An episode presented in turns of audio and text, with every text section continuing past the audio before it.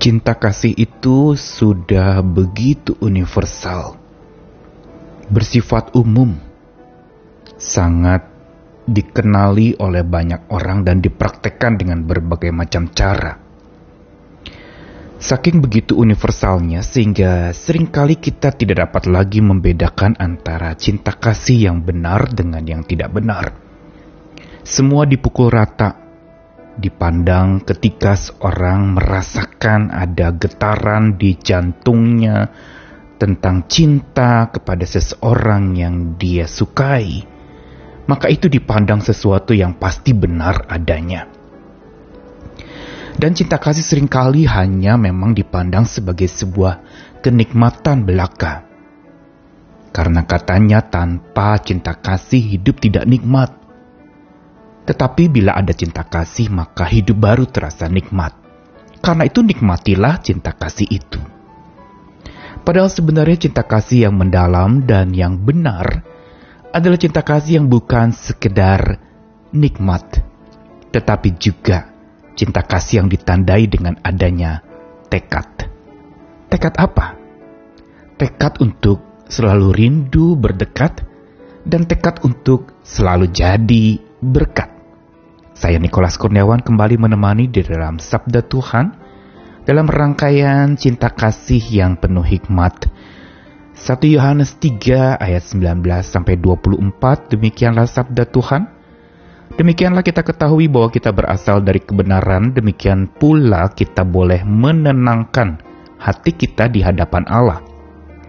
Sebab jika kita dituduh oleh hati itu, Allah adalah lebih besar daripada hati kita, serta mengetahui segala sesuatu.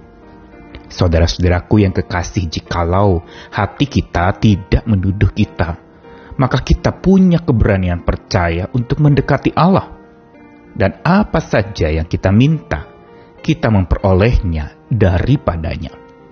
Karena kita menuruti segala perintahnya dan berbuat apa yang berkenan kepadanya.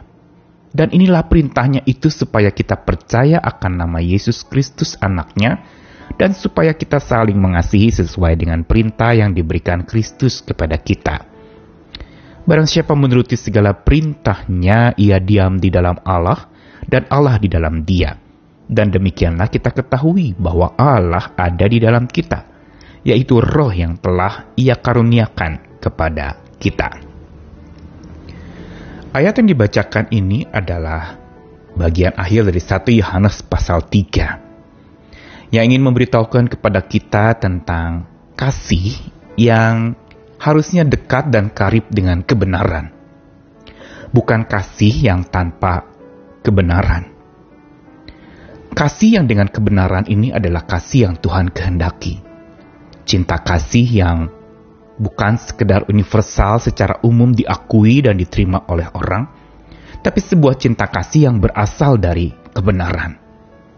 Karenanya Yohanes mengingatkan bahwa kalau kita sadar bahwa kita hidup di dalam kebenaran dan berasal dari kebenaran yaitu dari Tuhan, maka harusnya hati kita bisa tenang di hadapan Allah karena hati kita tidak menuduh kita. Tidak ada sebuah perasaan bersalah. Kenapa? Karena kita hidup dalam kebenaran. Dan Allah yang lebih besar daripada hati kita itu Maha Tahu. Dia tahu segalanya. Karena itu, bila hati kita yang sudah diliputi oleh kebenaran dari hikmat Tuhan, maka kita punya keberanian percaya untuk mendekati Allah. Bahkan apa saja yang kita minta, kita dapat memperoleh daripada Tuhan. Karena kita menuruti segala perintah Tuhan dan berbuat sesuai dengan apa yang ia kehendaki, yaitu seturut dengan hikmatnya. Apa yang Yohanes katakan di sini sebenarnya ingin memberitahukan kepada kita tentang sebuah cinta kasih dengan hikmat dan kebenaran Tuhan.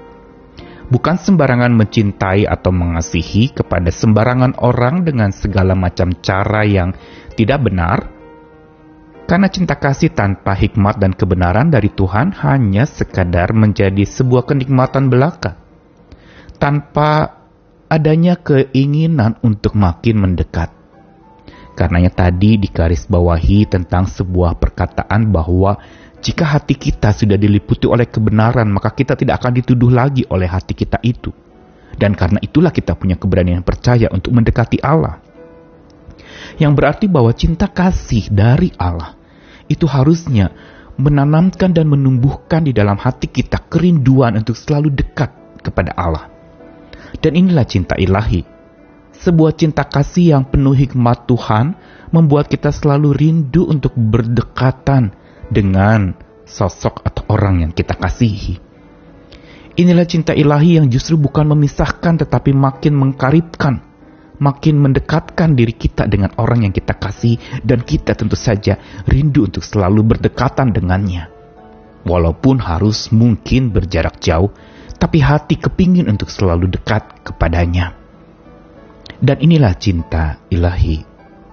Selain itu cinta ilahi itu adalah sebuah cinta yang diliputi oleh tekad untuk jadi berkat Karenanya dikatakan bahwa cinta kasih ilahi itu membuat seseorang juga hidup saling mengasihi sesuai dengan perintah yang diberikan Tuhan kepada kita.